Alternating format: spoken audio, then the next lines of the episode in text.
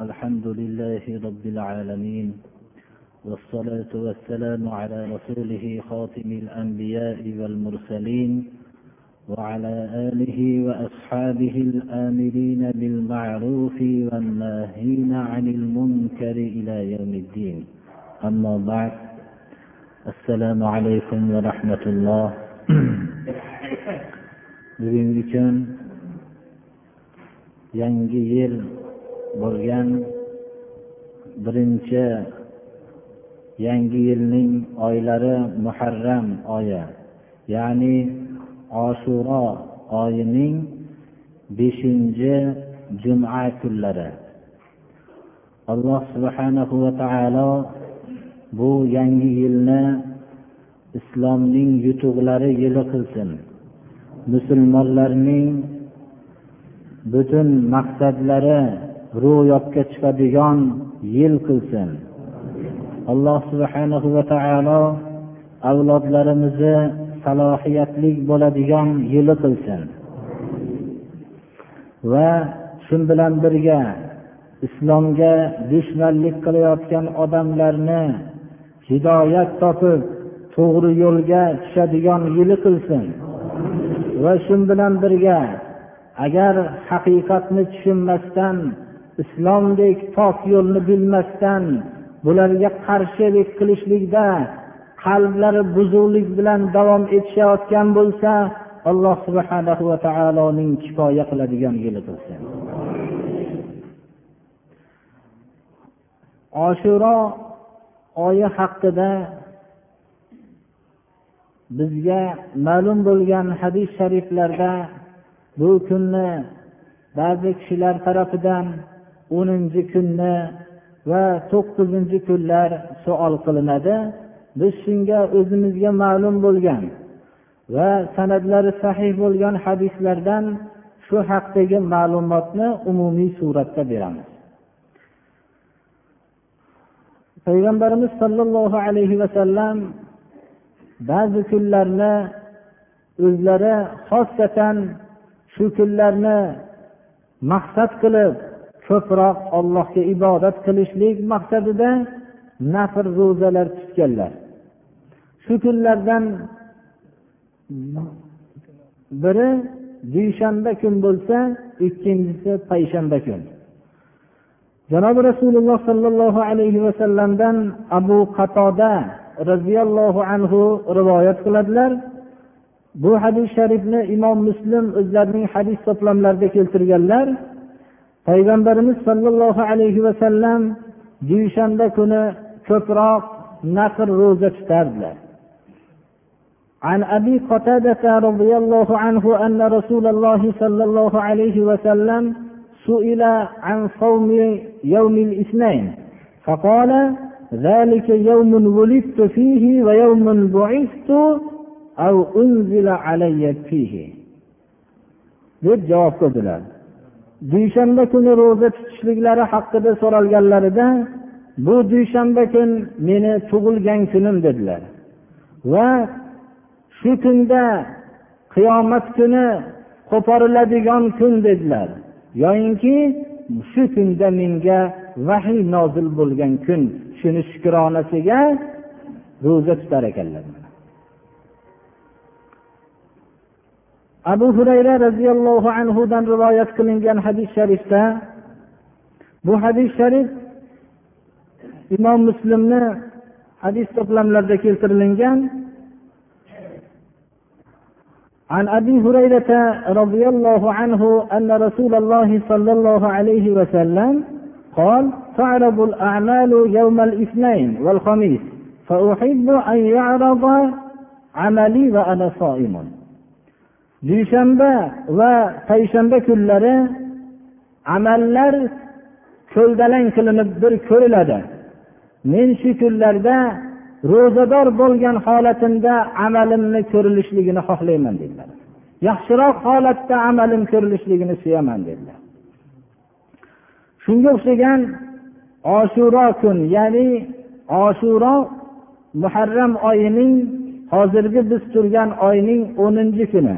Biz beshinchi kunida turibmiz hozir. Shu kunda ro'za tutishlik haqida payg'ambarimiz sollallohu alayhi vasallamdan so'ralganda bu hadis sharifni abu qatoda rivoyat qiladilar. Imom muslim hadis to'plamlarida keltirganlar. O'tgan yildagi gunohlarga kafforat bo'ladi dedilar. Abdulloh ibn abbosdan rivoyat qilingan hadis sharifda rasululloh sollallohu alayhi vasallam oshuro kunida ro'za tutganlar va ro'za tutishlikka targ'ib qilib buyurganlar. Bu hadis sharif muttafaqun alayh hadislar ya'ni imom buxoriy imom muslimning hadis to'plamlarida keltirilgan. Abdulloh ibn abbosdan yana hadis sharif rivoyat qilingan hadisda payg'ambarimiz sollallohu alayhi vasallam aytdilarki yana yilga agar dunyoda turib yashasam to'qqizinchi kunda ro'za tutaman dedilar. Muharram oyining to'qqizinchi kunida. Bu hadis sharifni ham imom muslim o'zlarining hadislarini to'plamlarida keltirganlar. Xullas bu kun haqida so'ralgan savolga bizni unaqa tafsiliy ba'zi san'atlari ishonchsiz bo'lgan so'zlarni aytolmaymiz bor so'z mana shundan iborat birodarlar. Oshuro kuni ro'za tutishlik o'tgan gunohlarga kafforat bo'ladi. Albatta farz amallari bajarilgandan keyingi gaplar bu.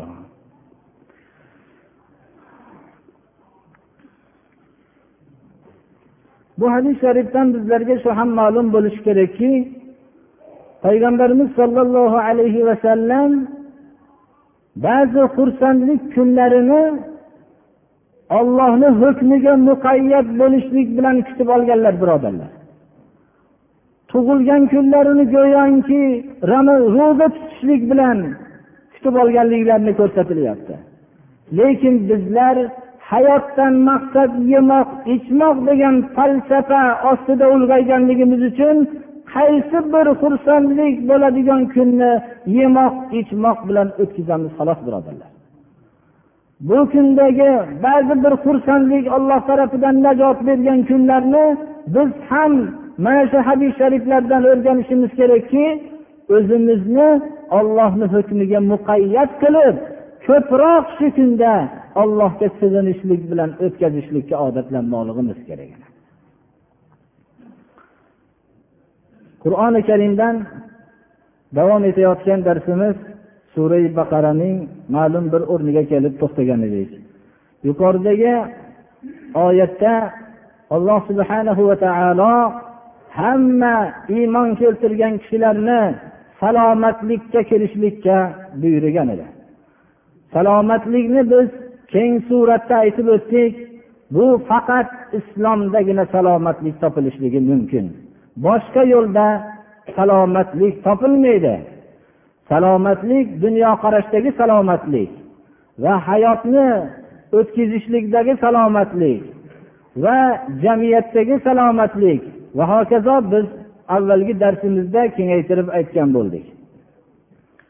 Alloh subhanahu va taolo bu salomatlik bo'lgan islomga kirishlikka bundan chiqib shaytonning yo'llariga ergashmaslikka shayton insonga ochiqdan ochiq dushman ekanligi bilan ogohlantirilgan oyat kalimalarni mazmunini aytib o'tgan bo'ldik va yana bu salomatlikka kirmaslikdan qattiq ogohlantirib keyingi oyatlarda فإن زللتم من بعد ما جاءتكم البينات فاعلموا أن الله عزيز حكيم agar sizlar bu salomatlik yo'liga kirmasdan sizlarga ochiq hujjatlar kelgandan keyin toyilib boshqa yo'lga yursanglar shuni bilinglarki olloh qudratli hikmatli zotdir. Ollohni yo'llanmasiga qarama qarshi bo'lgan vaqtinglarda olloh qudratli zot ekanligini esdan chiqarmanglar. Va ollohning yo'li nihoyat darajada to'g'ri bo'lganligiga hakim sifati dalolat qiladiki hikmatlik zot ollohni yo'li hikmatlik. Bu hikmatlarning bir qismi bandalarga ma'lum bo'lishligi mumkin bir qismi ko'p yillarda ma'lum bo'lishligi mumkin yana ma'lum bir qismlari umrbod ma'lum bo'lmay qolishligi ham mumkin birodarlar. Ollohni yo'li albatta hikmatlik. Bu hikmatli yo'ldan agar ochiq hujjatlar kelgandan keyin toyilsanglar ollohning qudratli ekanligini yodinglarga olinglar olloh sizlardan qisos oladi. Ollohni shunday to'g'ri yo'lini qabul qilmasdan nimani kutishyapti odamlar? Ular kutayotgan narsa juda dahshatli narsani kutishyaptilar.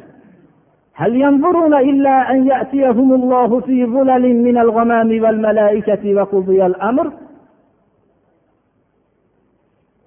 وإلى الله ترجع الأمور ular salomatlik yo'liga islom yo'liga kirishmasdan nimani kutishyaptilar ular dahshatli qiyomat kunini kutishyaptilar undan boshqa narsani kutishayotganlari yo'q u vaqtda alloh subhanahu va taoloning qudrati bilan osmon yorilib ollohning kelishligini kutishyaptilar maloikalarning hammasini saf bo'lib tortib hammalari ollohni ruxsatisiz gapirmasdan dahshatning qattiqligidan xomush bo'lib faqat ollohning izni bilangina gapirib turadigan maloikalarni saf bo'lib turgan holatini kutishyaptilarmi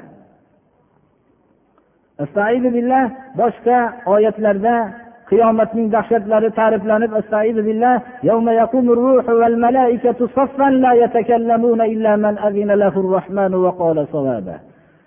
jibril alayhissalomdek zot tamomiy bashariyatga jo'natilingan sof insonlar bo'lgan payg'ambarlarga ollohning vahiysini olib kelgandek shunday ollohga muqarrab bo'lgan farishta jibril alayhissalomdek kishilar zotlar farishtalar va rahmat farishtalari hammalari qiyomat kunida ollohni huzurida hech qanday bir gapni gapirishlikka qodir bo'lmasdan turishadilar.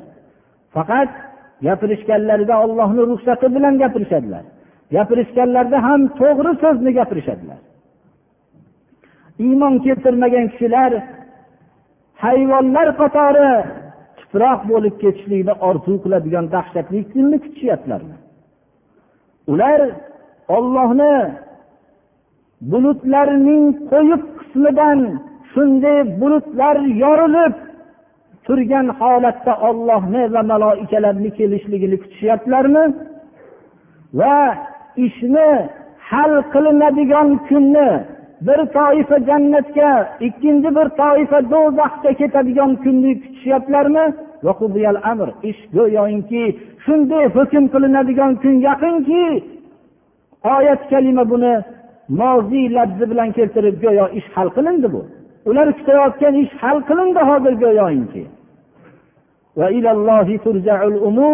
hamma ishlar ollohning huzuriga qaytariladi. Hech kim ollohni iznisiz biror bir hukmni qila olmaydigan kunni kutishyaptilarmi nima uchun shunday dahshatli kunlarda ham salomat qoladigan salomatlikka sabab bo'ladigan islomga kirishmaydi? Agar salomatlikka kirishmayotgan bo'lsalar ular mana shu kunni kutishyaptilar salomatlikka bashariyat tarixida ma'mur bo'lgan banu isroil ikkilanib bu salomatlik bo'lgan payg'ambarlar olib kelgan yo'lni qabul qilmasdan shakkoklik qilgan tarixga nazar tashlamaydimi janobi rasululloh sollallohu alayhi vasallamga alloh taolo buyurib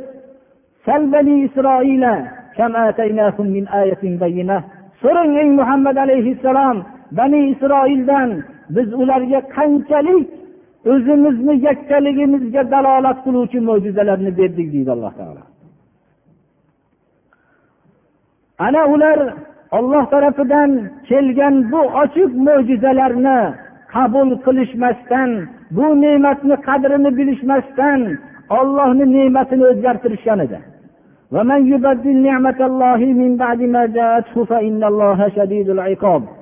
Ular ollohni ne'matini o'zgartirishgan edi. Ollohning buyruqlarini qabul qilmasdan suollarni ko'p qilishgan edi. Mana bu vaqtda alloh taolo tamomiy bashariyatning rahbarligi qilib bo'lib kelgan bani isroildan rahbarlikni olib qo'ydi. Ularni qiyomatgacha xorlik bilan azobladi. Bu faqat bani isroildan so'rang qancha oyati mo'jizotlarni berganligimizni. Bu bani isroilga xos emas bu voqea. Agar qaysi bir kishi ollohni bergan ne'matini o'zgartirsa ollohning azobi qattiqdir.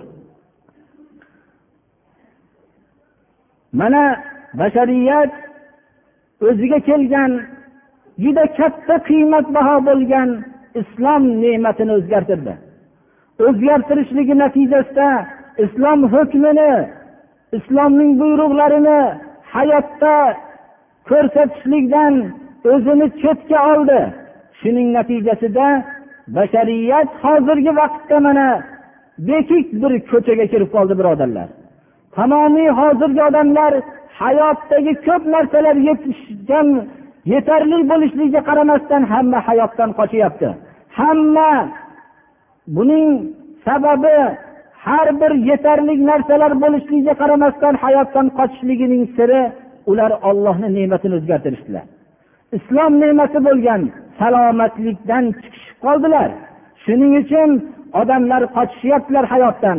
Ba'zilar hayotdan diqqatchiligidan qochishlik bilan mast qiluvchi ichimliklar bilan qochyapti kayf qiluvchi narsalar bilan qochyapti bu narsalar lekin qochishligiga sabab bo'lyaptimi? Uni hayotdagi qiyinchilikdan qutqaryaptimi? Mutlaqo qutqarmayapti balki uni qattiqroq bir azobga olib kiryapti. Alloh subhana va taoloning mana bu oyati ochiq hujjatlar kelgandan keyin ollohni ne'matini islom ne'matini o'zgartirganlarga ollohni azobi qattiq degan oyat mana sodiq kelib qoldi birodarlar.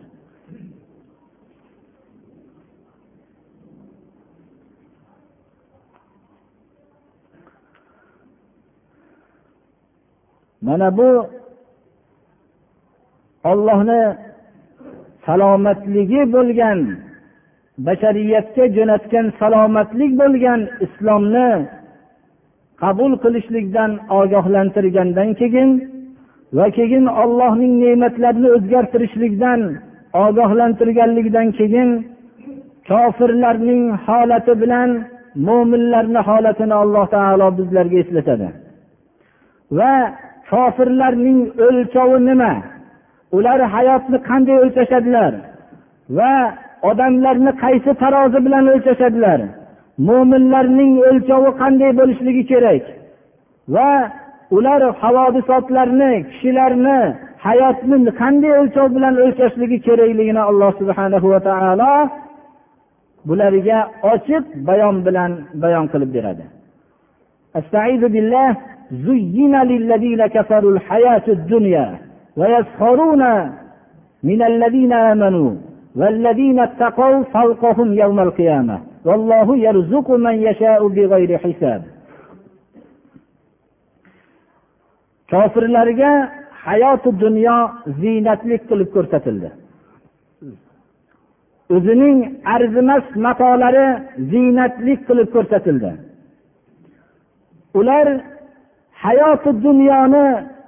ziynatlik qilib ko'rishganliklaridan fikrlari faqat hayoti dunyoga to'xtab qoldi.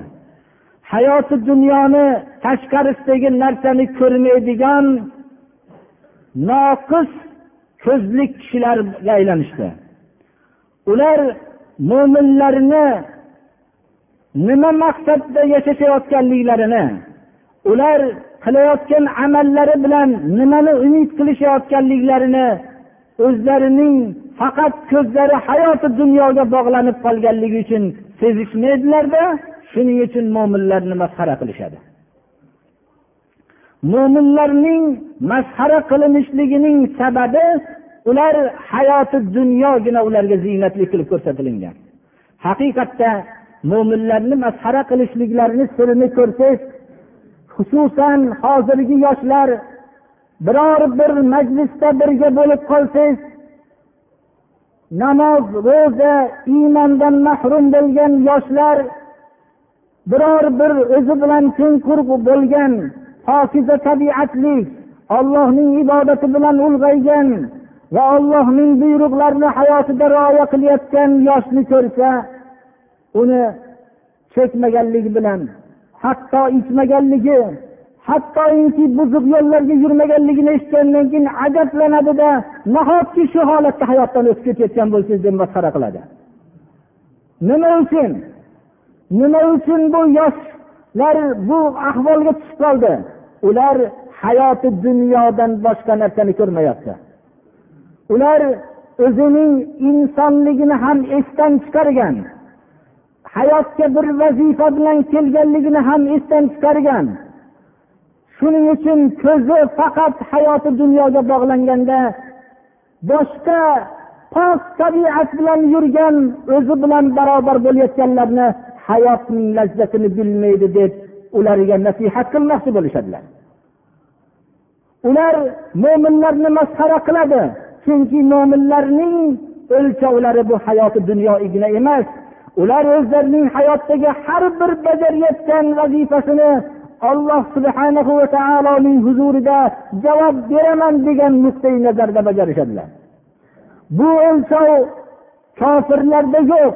Shuning uchun ularning hayoti dunyodagi mo'minlarning pok tabiat bilan yashayotganligini o'zlaridagi nopok tabiatdan boshqa narsa bo'lmaganligi uchun ko'risholmaydilar alloh subhanahu va taolo mana bu oyatda kofirlarga hayoti dunyo ziynatli qilib ko'rsatildi. Hayoti dunyodan boshqa narsani ko'rishmaydilarda o'lchovlari boshqa.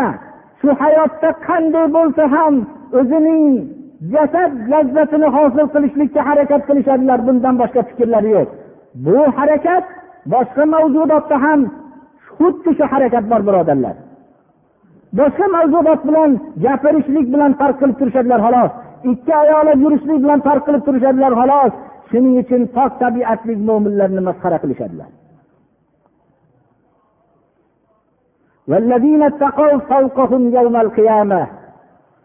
alloh subhanahu va taolo masxara qilinayotgan bandalarini o'zining tarozisi bilan o'lchab ollohdan qo'rqqan kishilar bu kofirlardan baland martabadadir qiyomat kuni buni hozir ko'zlar ko'rmayotgan bo'lsa ham yaqin kelajakda uzrlar nadomatlar foyda bermaydigan kunda alloh subhanahu va taoloning huzurida baland ekanligini bilishadilar mana.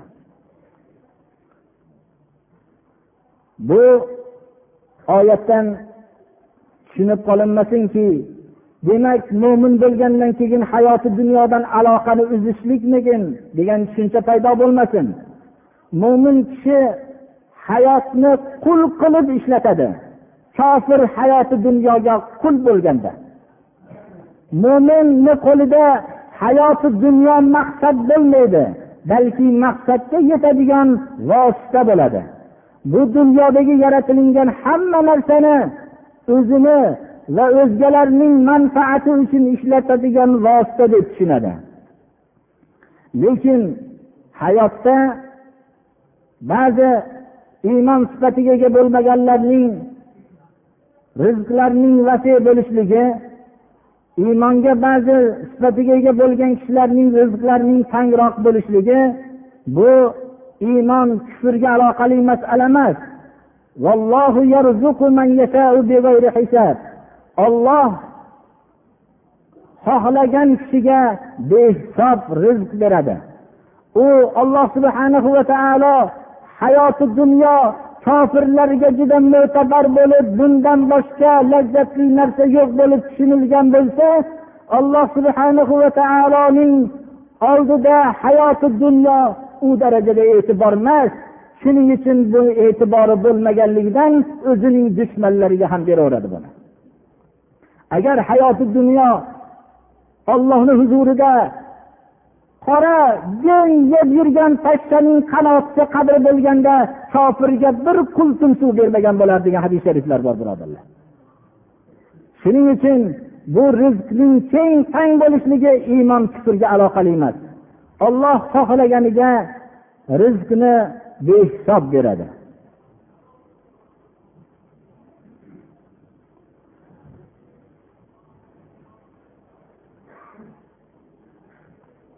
اللهم تقبل منا إنك أنت السميع العليم alloh subhanahu va taolo qur'oni karimdan davom etayotgan darsimizni oxirigacha davom ettirsin va shu bilan birga mo'min birodarlarimizni shu qur'oni karim bilan qalblarini munavvar qilsin va hammamizga ham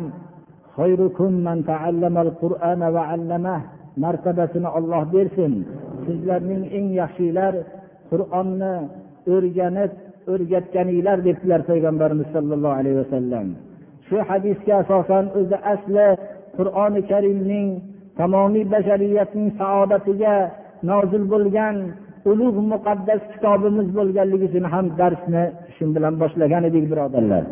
Payg'ambarimiz sollallohu alayhi vasallamning bu hadis shariflarida qur'onni o'rganganinglar afzalinglar demasdilar. Qur'onni o'rgatganinglargina deb qo'ymabdilar demak shu hadisdan bilinyaptiki ham o'rganib ham o'rgatganinglar deyilganligidan qur'onni hech bir kishi o'rganish va o'rgatishlikni to'xtatmagandagina payg'ambarimiz sollallohu alayhi vasallamning aytgan eng yaxshi odam bo'la oladi birodarlar. Qur'on shunday ko'p ilmni o'z ichiga olganki har qancha olim bo'lsak ham baribir qur'onni o'rganishlikka muhtoj bo'lib qolaveramiz. Shuning uchun doim o'rganish bilan o'rgatish ajralmagan holatda bo'lmoqligi kerak. O'rganishlikdan to'xtatishlik to'xtashlik bilan inson o'rgatishlikdagi nuqsonga duchor bo'ladi mana. Faqat o'rganish bilan davom etib o'rgatmagan kishi ham u qur'ondan o'rgangan narsalarni saqlab eslab qololmaydi. Shuning uchun payg'ambarimiz sollallohu alayhi vasallam aytgan sizlarning yaxshiliklari qur'on o'qib o'rganib o'rgatganinglar degan maqomni hammamizga nasib qilsin. Alloh subhanahu va taolo yana duo qilaylik. Bu yilgi yilni islom ahllarining qalblarida ezilib shunday dod deb umid qilib yurgan zafar yili qilsin alloh taolo.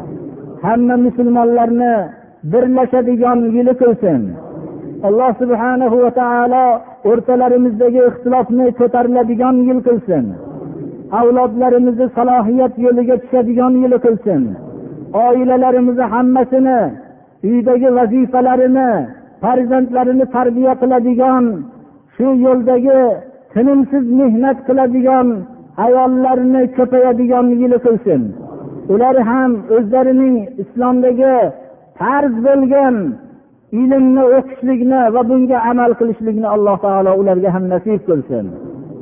Bizni hayotimizdan ayollarning shariat ilmlarini bilishlik ko'tarilib qolgan edi alhamdulillahi robbil alamin mana ular ham hozir shariat ilmini o'rganishmoqdalar. Alloh taolo ulardan ham olimalar muttaqiyalar mujohidalarni alloh taolo shulardan ham chiqarsin اهدنا الصراط المستقيم صراط الذين أنعمت عليهم غير المغضوب عليهم ولا الضالين haromga qarab namoz o'qish farz bo'lsa biz sharqqa qarab o'qiymiz vaholanki kaba ya'ni makka sharqda emas taxminan o'ttiz e, gradus janubroqda ekan namozimiz komil bo'laveradimi deb bir birodarimiz savol qildilar. Biz qibla haqida juda aniq topishlik bizga juda bu asboblar bilan ko'p ulamolar tarafidan tasdiq bo'lgan bo'lmaganligi bilmadik biz endi. Lekin qur'oni karimdagi meni o'zimni fikrim masjidil haromga qarab shu tarafga qarab namoz o'qing degan buyruq bor. Biz masjidil harom tarafiga shunday qarashimiz bilan masjidil harom shunday bizni ro'baro'yimizda bo'lishlik bilan vallohu alam masjidil haromga qaragan bo'lamiz birodarlar. Endi mana shu masjidlarni qurilishlikda nihoyatda ulamolar hammasi shuni javobgarligini yelkasiga olib qilishgan. Shuning uchun biz hozir o'zimizni masjidlarimizni qanaqaligini tekshirib ko'rganimiz yo'q. Ammo masjidil haromga qarab namoz o'qing degan oyat shu tarafga qarasak biz ro'baro'yimizda bo'lganda qaragan bo'lamiz. Chunki dini islomda juda qiyin bir harajlar yo'q mana.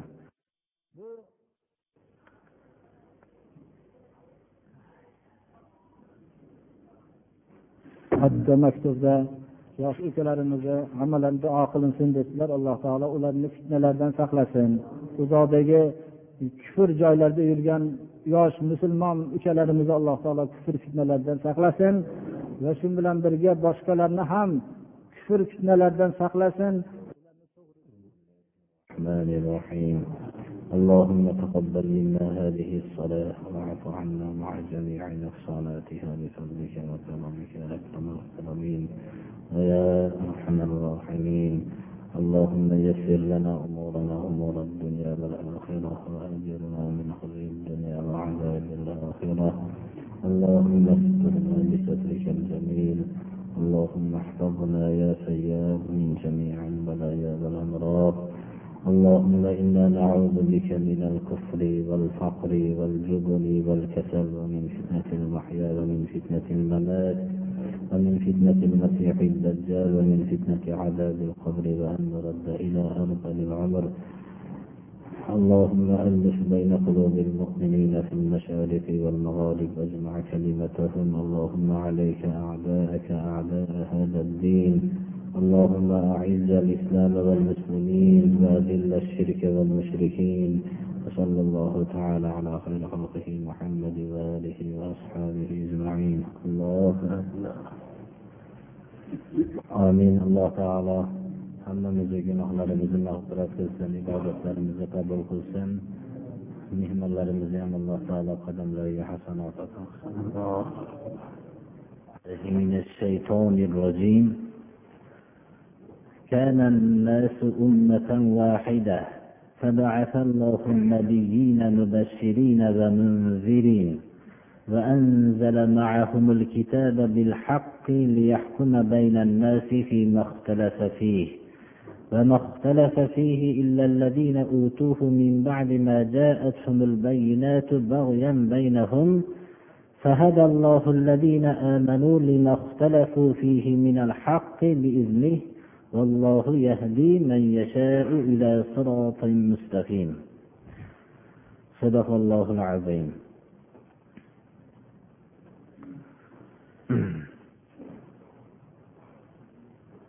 yuqoridagi oyat kalimalarda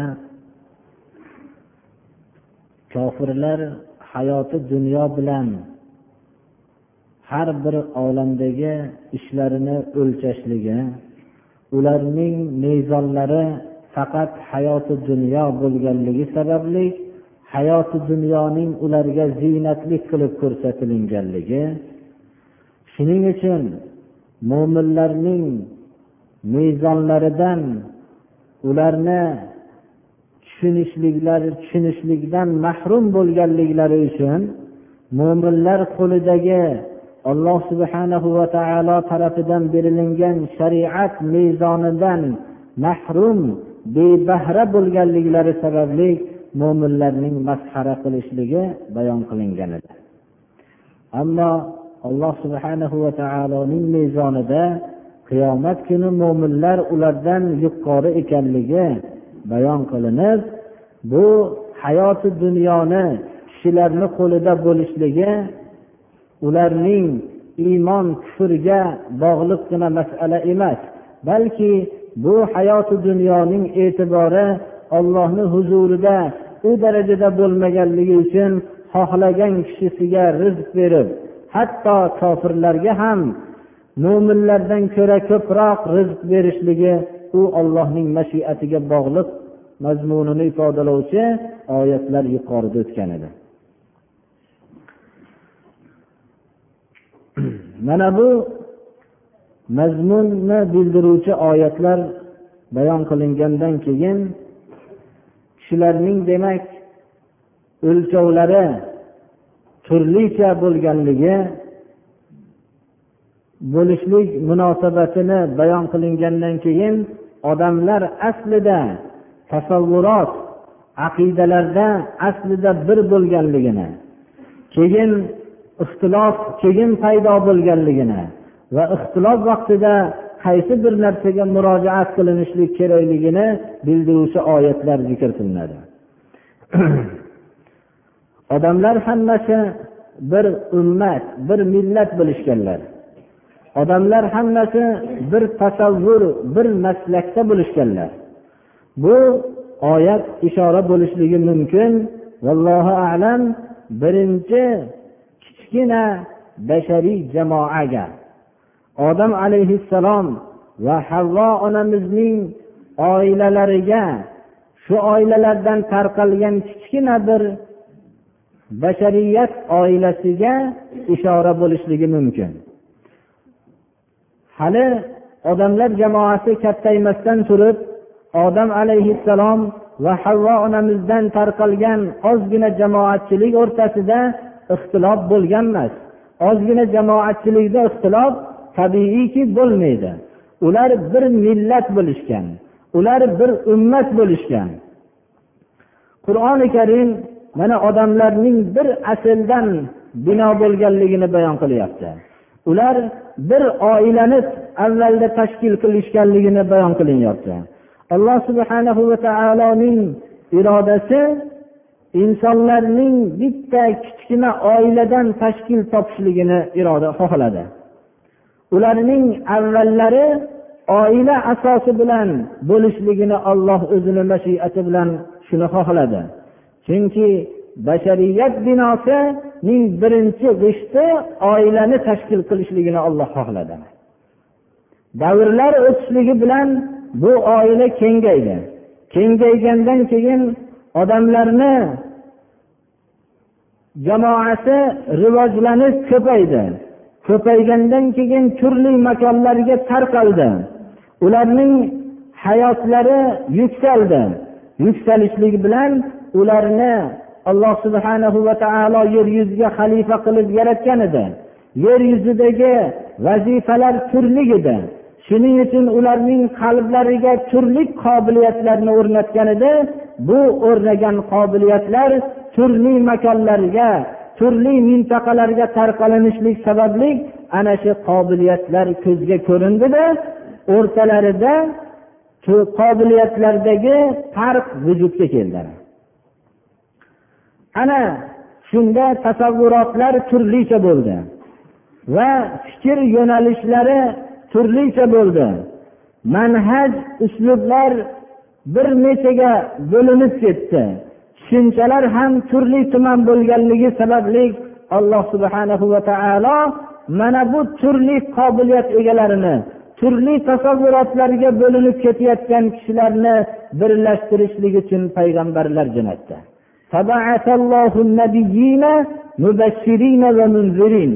Olloh payg'ambarlarni jo'natdi. Ularni vazifalari nima edi? Ollohni yo'liga itoat qilgan kishilarni jannat bilan ularga bashorat berishlik itoat qilmaganlarni ollohning azobidan ogohlantirishlik edi. Odamlarni hidoyat yo'liga majbur qilib bo'lsa ham ularni olib kirishlik emas edi. Ular hidoyat nima zalolat nima ekanligini e'lon qilishlik payg'ambarlarning vazifasi edi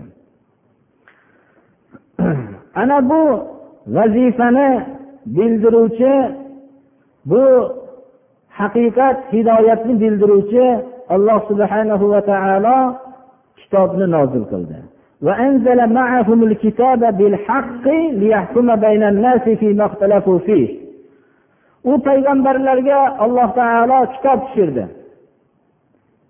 Bu kitob haqni o'z ichiga olgan edi.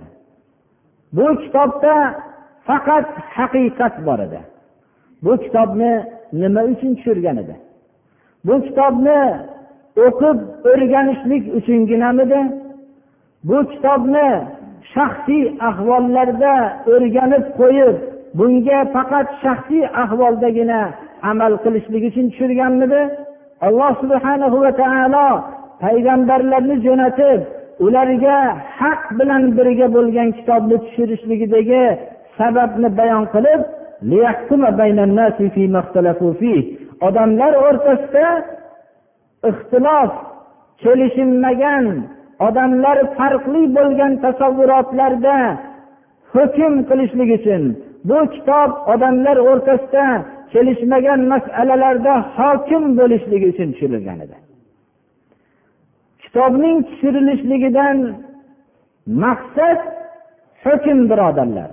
Hukm hayotning har bir ixtilofli holatlarida ollohning kitobini hokim qilinishligini talab qiladi mana. Qur'onning tushirilishligidan maqsad mana bu odamlar o'rtasida kelisholmagan masalalarda bu kitob hukm qilib hokimlik vazifasini bajarishlik uchun tushirgan edi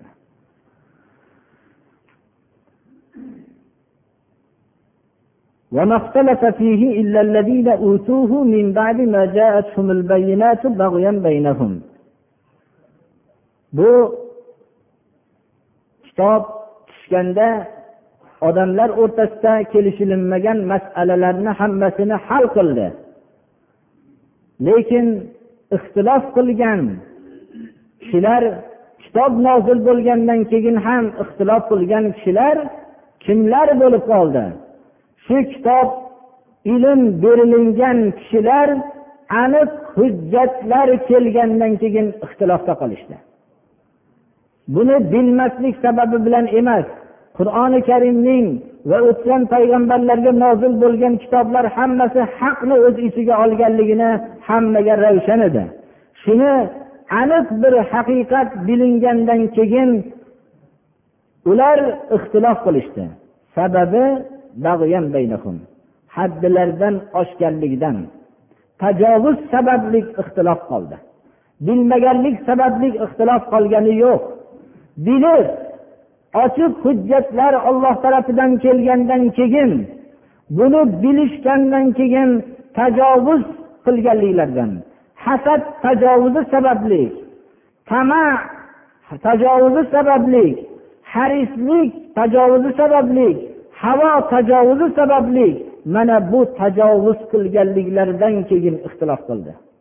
Qaysi bir masalada qaysi bir hayotda ixtilof vujudga kelgan bo'lsa alloh subhana va taolo tarafidan bu ixtilofdagi haq nima ekanligini bayon qilingan.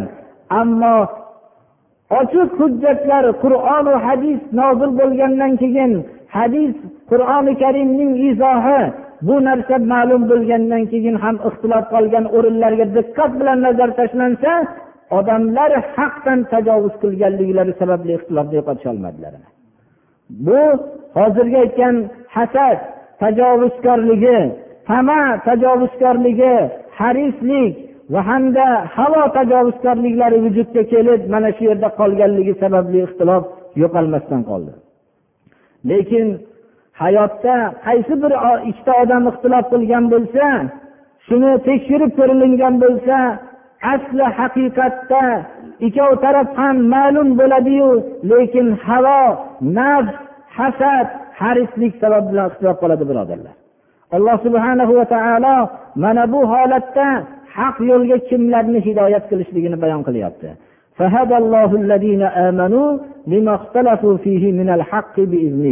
Olloh iymon keltirgan kishilarni ixtilof kelishilmagan masalalaridagi haq nima ekanligiga o'zini izni qudrati bilan hidoyat qildi. Kimlarni faqat munozara haqni bilishlikni maqsad qilib munozara qilgan kishilarni olloh kelishilmagan masalalaridagi haqqa hidoyat qildi. Olloh ana shunday haqni topishlik uchun maqsadida munozara qilgan kishilarni to'g'ri yo'lga yo'llaydi. Olloh o'zi xohlagan kishilarni to'g'ri yo'lga yo'llaydi. Kimlarni to'g'ri yo'lga yo'llashlikni xohlagan? O'zlaridan bag'iy hasad tajovuzini harislik havo tajovuzini o'zlaridan ketkizgan kishilarni to'g'ri yo'lga yo'llashlikni xohladi. Olloh o'zi xohlagan kishilarni to'g'ri yo'lga yo'llaydini ma'nosi vallohu alam shudir mana. أم حسبتم أن تدخلوا الجنة ولما يأتكم مثل الذين خلوا من قبلكم مستهم البأساء والضراء وزلزلوا حتى يقول الرسول والذين آمنوا معكم متى نصر الله ألا إن نصر الله قريب xayr shu yerda to'xtatsak bo'lar ekan mana hidoyatga o'zida qobiliyat hidoyatni maqsad qilgan kishilarni alloh subhanahu va taolo to'g'ri yo'lga hidoyat qilishlikni xohlagan. Hidoyatni yalinib beradigan narsa bo'lishligini xohlamadi alloh taolo. Olamning sunnati oddiy narsalarni ham odamlar yalinib bermaydi. Hidoyatni talab qilib istagan kishilarni to'g'ri yo'lga yo'llashlikni olloh xohladi mana. Hidoyatni insonga o'zi tarafidan talab qilingandan keyin berish beradigan narsa bo'lishligini xohladi.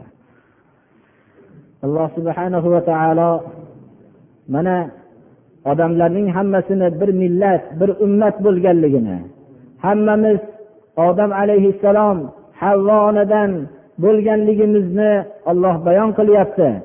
Odamlarning oz bo'lishligi bir yo'l bir maslakda bo'lishligi ularning tabiiy mana shunday bo'lgan ekanmiz avvalgi ajdodlarimiz. Shunday bo'lgandan keyin turli makonlarga turli millatlarga tarqalingandan keyin o'rtalarida turli qobiliyatlar vujudga kelgan va tasavvurotlar o'zgargan. Mana bu narsadan alloh subhana va taolo birlashtiradigan bizga shariatni jo'natgan. Biz qobiliyat ba'zi xususiyatlarda turli bo'lamiz lekin bizlarni birlashtirib turgan narsa islom dini bo'lishi kerak. Mana bu dinda birlashganimizdan keyin qobiliyatlarda turli bo'lib qolaveramiz mana. Bizni birlashtiradigan narsa ollohni kitobi bo'lmoqligi kerak. mana bu kitobiga boshqa hadislar ollohni kitobini izohi butun mushtahidlar yozgan kitoblar hammasi qur'oni karimning ma'nosidan olingan istinbotlar birodarlar bizlarni birlashtiradigan narsalar mizojlarimiz bo'lmasligi kerak bizlarni birlashtiradigan narsa faqat haqiqatni o'z ichiga olgan ollohni kitobi bo'lsin اهدنا الصراط المستقيم صراط الذين أنعمت عليهم غير المغضوب عليهم ولا الضالين الله أكبر taolo bir shifoyi tomma bersin. Bu ergashev akamiz ham ozgina notob ekanlar duo qilinglar deb bir odam jo'natgan ekanlar alloh taolo shifoyi tomma bersin u kishiga